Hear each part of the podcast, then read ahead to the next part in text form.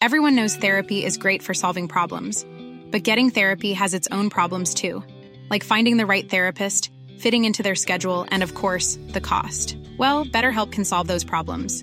It's totally online and built around your schedule. It's surprisingly affordable too. Connect with a credentialed therapist by phone, video, or online chat, all from the comfort of your home.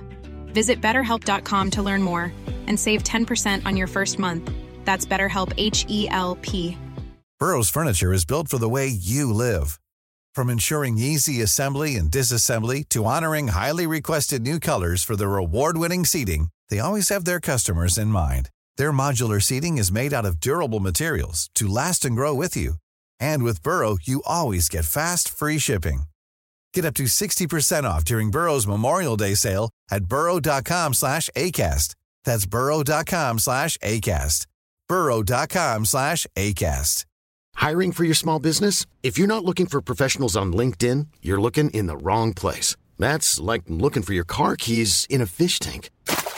LinkedIn helps you hire professionals you can't find anywhere else, even those who aren't actively searching for a new job but might be open to the perfect role. In a given month, over 70% of LinkedIn users don't even visit other leading job sites. So start looking in the right place. With LinkedIn, you can hire professionals like a professional. Post your free job on linkedin.com slash people today. Du lytter til en podcast fra TV2. Jeg kan ikke lade være med at tænke på de pårørende. Altså mor, far, søstre og kæreste. Og derfor er det måske også lidt kynisk, det jeg siger nu. Men hendes drab har jo på en eller anden måde alligevel ført til en forandring. Fordi man har iværksat safe houses, hvor unge kan gå ned, hvis de føler sig utrygge. Der er bestyrer af diskotekerne, som er begyndt at tænke sig lidt mere om. Når jeg ser en meget, meget fuld pige, hvad skal jeg så gøre? Skal jeg anvise hende til safe house? Skal jeg sørge for, at hun får en taxa hjem? Skal jeg finde nogle venner? Altså den der awareness om, at man skal ikke bare sende en meget, meget fuld pige, eller for den sags skyld dreng, ud i nattelivet. Man skal faktisk tage vare på hverandre. I dag begynder retssagen om drabet på den 22-årige Mia Skadhauke Stævn, der forsvandt efter en bytur i Aalborg i februar sidste år. Det var altså den 22-årige Mia Skadehauke Stævn, der torsdag blev fundet død i Dronninglund Storskov. Det bekræfter Nordjyllands politi. Her sidder en 37-årig mand på anklagebænken i sagen, der har rystet hele landet, og som har fået flere borgere til selv at tage ansvar for at skabe større tryghed i nattelivet.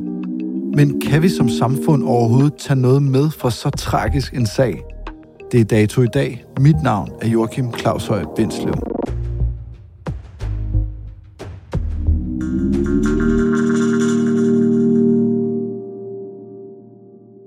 Hvor meget tid har du brugt på den her sag, der nu skal forrende? Det er svært at gøre op, fordi det er sådan noget, der er der hele tiden. Så jeg tror, siden Mia forsvandt, Hun forsvandt på vej hjem fra en bytur i Aalborg tidlig søndag morgen, og politiet mener, hun har været udsat for en forbrydelse. der så jeg alt på TV2 News. Jeg så med hele tiden, da kollegaer refererede fra de områder, hvor der var rensagninger. Så tror jeg, jeg har læst alt lige siden. Det er sådan en sag, jeg ikke rigtig har kunne slippe. Så det er svært at gøre op i timer. Men den har bare ligget der hele tiden. Hvor meget har du aktiveret dine kilder i politiet, som du har bygget op gennem mange, mange, mange år, for at forstå den her sag, også det vi måske ikke rigtig hører om i offentligheden?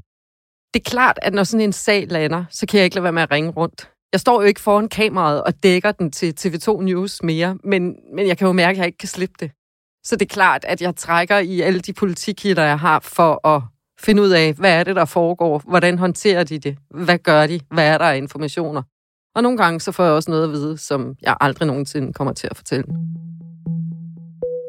Janni Petersen, du har dækket krimistof i øh, omkring to årtier for os her på TV2. Du har været vært på News i mange år. I dag er du vært på Godaften Live på TV2. Du har været på Bag Forbrydelsen. Det er jo ikke så længe siden, at vi sad over for hinanden for at tale om en anden sag. Ekstremt spektakulær sag. Det var den hemmelige agent, der så at sige har været gennembrud for politiet i sagen om Louise Borglit. Nu skal vi tale om en, en sag i en anden del af Danmark, i Nøjeland. Sagen om Mia Skadhavgstævn. Hvad sker der den dag, da du hører om det her første gang? Jeg hører det øh, om mandagen. Det må have været den øh, 9. februar, hvor Nordjyllands politi går ud og bringer en efterlysning. Derfor frygter politiet, at der er sket en forbrydelse, og derfor har man nu taget det usædvanlige skridt og bedt folk op at gennemse privat overvågning. Og jeg synes allerede, jeg kan se på efterforskningslederen på det tidspunkt, at han er meget bekymret. Og ikke lade være med at kigge på dem. Hvordan ser øjnene ud? Hvad er det for nogle ord, de vælger at bruge? Hvordan, hvordan betoner de ordene? Og jeg synes et eller andet sted godt, at jeg kunne se, at han var stærkt bekymret. Vi frygter, at Mia hun kan have været udsat øh, for en forbrydelse. Og de informationer, der kom frem, var jo også et spørgsmål om, at øh, hun var taget hjem fra byen, hun var meget beruset. Selvom hun boede for sig selv i Aalborg, så havde hun en stærk relation til sine forældre. Og da de ikke kan få fat på hende, så ringer de til politiet, og om morgenen, der sætter de en stor efterforskning og efterlysning i gang. Så der var allerede noget der, som gjorde, at jeg fik virkelig ondt i maven. Hvad ved vi om, hvad der sker den weekend? Vi ved, at hun forlader det diskotek, hvor hun øh, har været med en veninde. Rimelig påvirket, beruset, glad, og også lidt sur over, at festen er forbi. Hun diskuterer med en bestyrer og en udsmider om, om det kan have sin rigtighed, at man skal gå hjem nu. Så hun har jo haft det sjovt. Hun er en 22-årig sygeplejerske studerende, der er i byen med sine venner. Hold op, hvor har jeg stået mange gange og diskuteret, fordi jeg heller ikke vil hjem, fordi det er der en ufesten piger.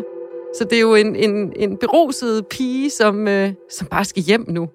Og hun forlader diskoteket kl. 6.02 og øh, forsvinder så kort efter. Går få 100 meter. Og det vi så ved nu, det er, at ud for Vesterbro nummer 99, der bliver hun taget op øh, og sætter sig ind i den her bil.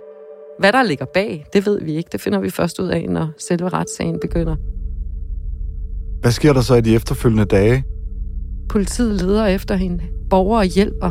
Nordjyllands politi får omkring 400 henvendelser i løbet af meget, meget kort tid, og som jo på en eller anden måde meget hurtigt leder dem på sporet af den her sorte golf. Og øh, hvad der så sker derefter, det er jo noget, der vil blive rullet op i retten. Altså, hvad er det, der har ført til anholdelsen få dage efter, af den nu 37-årige mand?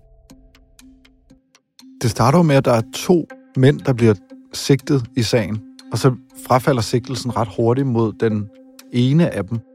Altså, det, der jo sker, det er, at de bliver fremstillet begge to i grundlovsforhør, efter de er blevet anholdt den 9. februar. Og man får den der fornemmelse, altså jeg sad og holdt øje, hvad kunne man fortælle om dem? Hvor stammede de fra? Hvad var de for nogle typer? Hvad kan vi finde ud af om dem? Og det, der jo sker, når man er retsreporter og sidder derinde, det er, at man får deres CPR, og man får deres navne. Det må man så ikke nævne, fordi der er navneforbud i sagen, og dermed må man ikke sige noget, der kan identificere dem. Men det vi jo meget hurtigt finder ud af, det er jo, at den ene af dem øh, har været i kontakt med retsvæsenet og politiet før. Han er tidligere som 25-årig kendt skyldig for at have lavet fikum dig ved sin ekskærestes families bil, skåret bremserøret over. Heldigvis skete der ikke noget, fordi hans tidligere svigermor opdagede det, da hun sådan trillede ud fra indgangen til deres garage. Det fik han 60 dages fængsel for. Og så er han også øh, kendt skyldig i, også som ung, at have beluret en 16-årig pige, der sad inde på sit værelse, da hun var kommet hjem fra byen, og øh, efterfølgende fandt man sæd på roden. Så det er en mand, der har været i kontakt med politiet og myndighederne tidligere. Så meget hurtigt som retsrapporter, så går man ind, når man har CPR, og finder ud af, kan vi finde noget på dem? Og det kunne vi så på den ene af dem. Men den anden, det er jo sådan, når man kommer ind til et grundlovsforhør, så sker der jo det, når pressen bliver vist ud, så begynder anklagemyndigheden jo at fremlægge de beviser, som anklagemyndigheden har. Og det, der så er meget specielt, det er jo så, at dommeren skal tage stilling til, er der grundlag for at varetægtsfængsle? Er der mistanke om, at man kan have begået den her forbrydelse, som man siger? Er der en begrundet mistanke for, at man kan have begået den her forbrydelse? Og det har man så fundet mod den nu 37-årige tiltalte, men ikke hans ven. Og sidenhen er sigtelsen mod ham også blevet ophævet. Og det betyder altså, at politiet ikke mener, at han kan have hjulpet til. Ham politiet så mener har gjort det. Han blev senere tiltalt, og det er den sag, der skal køre nu. Hvad står der i anklageskriftet? Jeg synes, det er et voldsomt anklageskrift. Det er meget kort, men det beskriver, hvad der er sket mellem 6.09 og så frem til klokken 15, hvor man øh, mener, at det er inden for det tidsrum, da hun blev voldtaget og dræbt. Beskriver, hvordan hun er blevet kvalt. Og så er det jo også beskrevet, hvordan han er tiltalt for usømmelig behandling af lig. Og det er nogle grumme detaljer. Og et eller andet sted er jeg jo også varsom, altså fordi det er jo et menneske, og det er jo pårørende. Men, men nu står vi altså foran hovedforhandlingen, og der bliver det jo en væsentlig del af selve bevisførelsen. Hvad har politiet så beviser for, at det er den tiltalte, der er gerningsmand? Ja, man har jo været ude og sporsikre i hans bil, på hans bogpæl, i et skovområde, hvor han også har taget hende hen. I dag kører sagen for retten. Hvad vil du særligt holde øje med? Jeg er selvfølgelig nysgerrig på den tiltaltes forklaring. Og det er også svært at sige nysgerrig, men det jeg er mest optaget af, det er svært at finde det rigtige ord, fordi det var ham, der skal sidde og forklare, hvad der skete de timer, fra han samlede hende op og til hun døde. Og vi ved allerede nu, gennem hans forsvarsadvokat, at han formodentlig vil erklære sig skyldig i usømmelig omgang med lig. Så det, jeg er mest nysgerrig på og optaget af, det er at høre den forklaring fra ham, hvad der er sket forud, indtil han ender med det, som han er tiltalt for, blandt andet usømmelig omgang med lig. Anklagemyndigheden, altså politiet, mener jo, at de har en stærk sag, og at de kan bevise, at øh, den her 37-årige mand er skyldig i den her sag. Hvordan har politiet egentlig håndteret sagen? Jeg tror, Nordjyllands politi har lært af andre politikredse, som måske ikke har været så hurtigt ude i forbindelse med efterlysning af unge kvinder. Der har jo tidligere været den der, når man kan jo kun have været taget hjem til nogen, en kæreste, eller kærestesorg, er hun taget videre til en fest. Og jeg tror, at her, der har ikke været nogen tvivl om, at Nordjyllands politi har tænkt, okay, vi har talt om en 22-årig sygeplejestuderende. Hendes forældre siger, at de plejer at kunne komme i kontakt med hende, og hun er tæt på sin familie, hun er tæt på sine veninder. Så det der med, at hun bare forsvinder til klokken 8 om aftenen, det er simpelthen så ulig hende. Så da de får den opringning, der tror jeg, de reagerer med det samme. Og hvordan reagerer altså borgerne i Aalborg og omegn altså på den her øh, offensive strategi? I forbindelse med, at Nordjyllands politi er så offensiv, så er der også payback, fordi der kommer i løbet af meget, meget kort tid omkring 400 henvendelser. Befolkningen er klar til at hjælpe. De er klar til at kigge alt, hvad de har af billedmateriale igennem på mobiltelefon eller overvågningskamera på det stykke vej, hvor hun har gået. Og det er jo også meget hurtigere, men ud fra Vesterbro nummer 99, via et overvågningskamera, finder ud af, hvad det er for en bil, hun har sat sig ind i. Og derfra, så kører efterforskningen. Så er det på en eller anden måde din oplevelse, at politiet er ved at skifte gear i forhold til det her? Altså med at, at sige, nu håndterer vi de her sager anderledes. Vi involverer offentligheden på en helt anden måde på et tidligere stadie og åbner op for... Det er ikke bare min fornemmelse. Det er jo mejslet i granit, at det er det, de gør nu. Så der er simpelthen sådan en, en, altså et ægte sporskifte. Det er ikke bare lige noget, vi har set sådan tilfældigt her de seneste par gange, fordi der har været nogle spektakulære sager. Nej, men man må også bare konstatere, at når de har fundet gerningsmanden, så lukker de til. Når grundlovsforhøret er fundet sted, så lukker de til. Og det er jo der, vi andre måske bliver nysgerrige, også i medierne. Hvad er det for en mand? Hvad er der sket? Hvordan har familien det? Hvordan har pårørende det? Så kommer alle de her B-historier, som vi kalder det i journalistikkens væsen, eller mere nære historier, nysgerrige historier. Men der har politiet lukket til. Så vil de ikke melde ud, medmindre at der kommer nye oplysninger. Den 37-årige mand, der er tiltalt for det her, hvad går anklagemyndigheden efter, at han skal straffes med? Der står ikke noget om i anklageskriftet, hvad straffen er. Men vi ved jo, at det er en nævningesag, og dermed går man jo i hvert fald efter en straf over fire års fængsel. Men der står ikke, om man går efter for eksempel en forvaringsdom, eller han var sindssyg i gerningsøjeblikket, sådan så han skulle have en anbringelsesdom. Det står der ikke. Jeg tør ikke spå om, hvad anklagemyndigheden vil gå efter, men vi er oppe i den høje ramme. I forhold til den her sag, som du ikke har kunne slippe, er der noget, der har overrasket dig? Jeg kan ikke lade være med at tænke på de pårørende. Altså mor, far, søstre og kæreste. Og derfor er det måske også lidt kynisk, det jeg siger nu. Men hendes drab har jo på en eller anden måde alligevel ført til en forandring. Fordi man har iværksat safe houses, hvor unge kan gå ned, hvis de føler sig utrygge. Der er bestyrer af diskotekerne, som er begyndt at tænke sig lidt mere om, når jeg ser en meget, meget fuld pige. Hvad skal jeg så gøre? Skal jeg anvise hende til safe house? Skal jeg sørge for, at hun får en taxa hjem? Skal jeg finde nogle venner? Altså den der, øh, den der awareness om, at man skal ikke bare sende en meget, meget fuld pige, eller for den sags skyld dreng, ud i nattelivet, ud i gaden. Man skal faktisk tage vare på hver andre. De her sager, hvilket aftryk sætter det i befolkningen? Jeg er født i 1968, og i årene 1989 og 90, der blev begået seks kvindedrab. Marcel Lysjav Hansen, også kendt som Amagermanden, blev altså i dag idømt en fængselsstraf på livstid. Det ene blev faktisk opklaret i forbindelse med, at Amagermand Marcel Lyschov Hansen, han blev kendt skyldig på en kvinde, der blev dræbt og voldtaget ude i Fasanskoven. Så er der fem tilbage, men jeg kan huske den periode. Den står virkelig, virkelig tydeligt for mig. Janne Petersen, du var i retten, da dommen faldt. Hvordan var reaktionerne? Der var ingen reaktion at spore i Marcel Lyschov Hansens ansigt. Som skærende kontrast, så var der reaktion blandt ofre og pårørende i retten.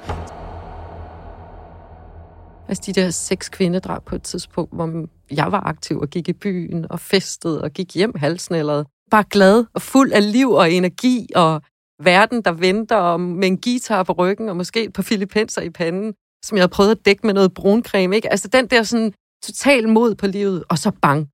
Seks kvinder bliver dræbt på det tidspunkt. Så jeg har jeg tror, min generation har været påvirket af de uopklarede kvindedrab, og den der iboende frygt, der findes hos de fleste kvinder, Frygten for at blive voldtaget. Frygten for at blive dræbt. Og der må jeg sige, der havde jeg jo bare håbet, at min datters generation ikke skulle gå rundt med den frygt. Og der tror jeg, at drabet på Emilie Meng, drabet på Louise Borligt, og nu drabet på Mia Skadehavke Stævn, er noget, som en ny generation desværre også tager med dem.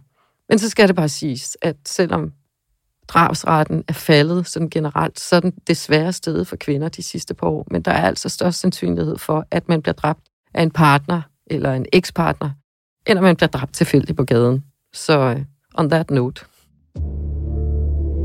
Tror du, det ændrer noget for den, så at sige, øh, nuværende generation, at flere af de her sager ser ud til at blive opklaret? Det er klart, at når gerningsmanden bliver fundet, så er der jo en lettelse, fordi så bliver han sat bag trammer. Jeg synes, det er uhyggeligt at tænke på de uopklarede kvindedrab i Danmark. Det kan være, at de er døde gerningsmændene. Det kan også være, at de sidder i fængsel for noget andet. Det er ikke til at vide. Men, men det er utrygt, at der er uopklarede drab på kvinder, eller i det hele taget. Og der må jeg sige, der må være en lettelse i, at man finder banditten og får sat ham i fængsel. Så ja, jeg vil formode, at det giver en lettelse i den nye generation. Sagen her fra Nordjylland har endnu en gang sat gang i debatten om utryghed, blandt andet i nattelivet. En ny megafonmåling viser, at 68 procent af kvinderne her i landet helt eller overvejende undgår at færdes i byen om aftenen og om natten. Vi fik lavet en megafon her på TV2 i forbindelse med Mia-sagen. Og den viste, at 68 procent af kvinderne i den nattelivet var bange. Altså det er 7 ud af 10. Ja. Altså det er jo også nemt for mig som øh, mand i midten af 30'erne, der aldrig er blevet overfaldet, medmindre jeg selv var ude om det i en eller anden brænder. Altså, det bare det lyder helt vildt. Men Joachim, når du sidder derhjemme, eller lytter, mandlige lytter, når I sidder derhjemme til et eller andet middagsbord med jeres venner og deres koner og så videre, så prøv lige at spørge dem, hvordan de sikrer sig selv, hvis de går alene på gaden. De fleste kvinder, de sikrer sig selv på en eller anden måde. For eksempel ved at have sine nøgler mellem knogen. Øh, på et tidspunkt var jeg så øh, bange, at jeg gik rundt med, med sådan en lille kniv, altså sådan en lille skalpel, som jeg havde brugt til en litoren. Så havde jeg simpelthen den i tasken. Øh, Hvorfor det? Det var, fordi jeg selv havde været udsat for et overfald. Og jeg reagerede sådan forholdsvis prompte og, og sparkede manden og, og kom væk fra ham. Men jeg kunne mærke bagefter, at jeg blev bange. Og der tænkte jeg, der er det ikke nok bare at rende rundt med nøgler mellem hænderne. Der må jeg have noget voldsommere. Og så kunne jeg godt mærke efter et par uger, at jeg tænkte, wow, også fordi jeg er åbenbart så aggressiv, så hvis folk de går til mig, så knaller jeg til den. Så det ville simpelthen være for farligt at rende rundt med noget, der, der var voldsomt. Ikke? Det er fordi, jeg tænker jo som øh, gennemsnitlig øh, tyndhåret ung mand i Danmark, ikke? Altså, de her sager sker, og det sætter en frygt i en stor del af befolkningen, primært unge kvinder, eller kvinder i alle aldre på en eller anden måde. Men det er jo så få, der bliver ramt. Altså, det er jo, du ved, der er jo større risiko for, at du bliver mm. øh, slået ihjel i trafik. Mm. Meget, meget, meget større. Mm. Altså, hvorfor er det, det fylder så meget? Grunden til, at den megafon har en så høj svarprocent i forhold til at være angst, det er jo selvfølgelig også, fordi den kommer lige efter Mia Skaderhauke Stæv blev dræbt. Så, så på den måde, så trigger den jo en frygt, som er iboende i os. Og så svarer man, som man gør. Så det kan godt være, at når der ikke lige er sket nogen kvindedrab, eller alle sager er opklaret, så vil det se anderledes ud. Men det skal I bare vide, men det er en iboende frygt, og den er der. Er I klar over, altså prøv at forestille jer at blive voldtaget. Det, der med, at, at man ikke selv kan styre det, at der er nogen, der tager magten fuldstændig fra en. Den bor i os alle kvinder, uanset om man er gammel eller ung eller fotomodel eller sådan en furet tante som mig, så bor den der. Og der er det bare rigtig vigtigt, siger du, at lad os nu se med Emilie Meng-sagen, mm. og sagen med den 13-årige og den 15-årige, og Borglit-sagen, mm. Og Mia-sagen, at det ender med, at vi finder den ansvarlige. Ja. Altså, det er bare super vigtigt. Det er så vigtigt. Jeg kender også politibetjente, som har siddet med drabsager, specielt kvindedrabsager, som de ikke rigtig har kunne opklare, som har sagt, at jeg går først på pension, når sagen er opklaret. Så det betyder noget også for politiet at få lagt sagen i seng, og i den grad også for de pårørende. Fordi prøv at tænke på at gå rundt og have mistet sin datter, og ikke vide, hvem er det, der har gjort det, hvorfor har han gjort det, hvor meget har hun lidt. Altså det uvisse tankerne, som det er i hvert fald det, som pårørende har sagt til mig, når jeg har talt med dem om det, så er det i virkeligheden uvidsheden om, hvad der er sket, og hvem det kan være. Den er meget voldsommere, end at finde ud af, hvad der reelt er sket. Jeg har en øh, ven, der i dag arbejder som forsvarsadvokat og tidligere anklager. Han siger til mig, hvorfor skal I botanisere så meget i de her sager? Det er jo bare syge menneskers værk, som I står og laver underholdning på, og skaber en eller anden form for frygt, der ikke er rationel. Hvad vil du sige til ham? Jeg vil sige, at vi øh, lever i et åbent retssamfund. Alle kan komme ind i retssagen øh, som civile og se den. Under den her retssag bliver der faktisk også lavet lytterum, så man kan sidde og lytte med, og det betyder, at folk, som har stillet sig i kø tidligt nok, kan komme ind ud over pressens repræsentanter, eventuelt pårørende. Jeg synes, det er vigtigt i et åbent retssamfund, at folk har adgang, og at de kan se, hvordan sådan en retssag kører. Fordi når der først bliver lavet myter og usandheder og folk, der pisker en stemning op omkring noget, som ikke er rigtigt, så synes jeg, vi har et problem. Og derfor skal vi være der, men vi skal behandle det så nænsomt som overhovedet muligt. Tusind tak, Janne Petersen, fordi du kom forbi. Det var så lidt.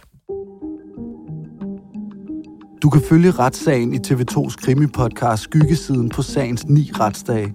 Janni Petersen, tidligere drabschef Jens Møller og retskorrespondent Astrid Sønberg taler om dagens begivenheder i retslokalet og dykker ned i efterforskningen.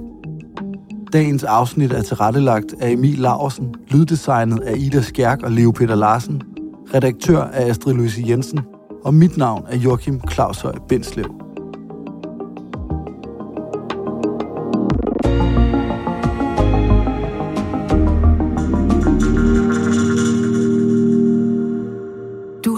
Til en podcast fra TV2.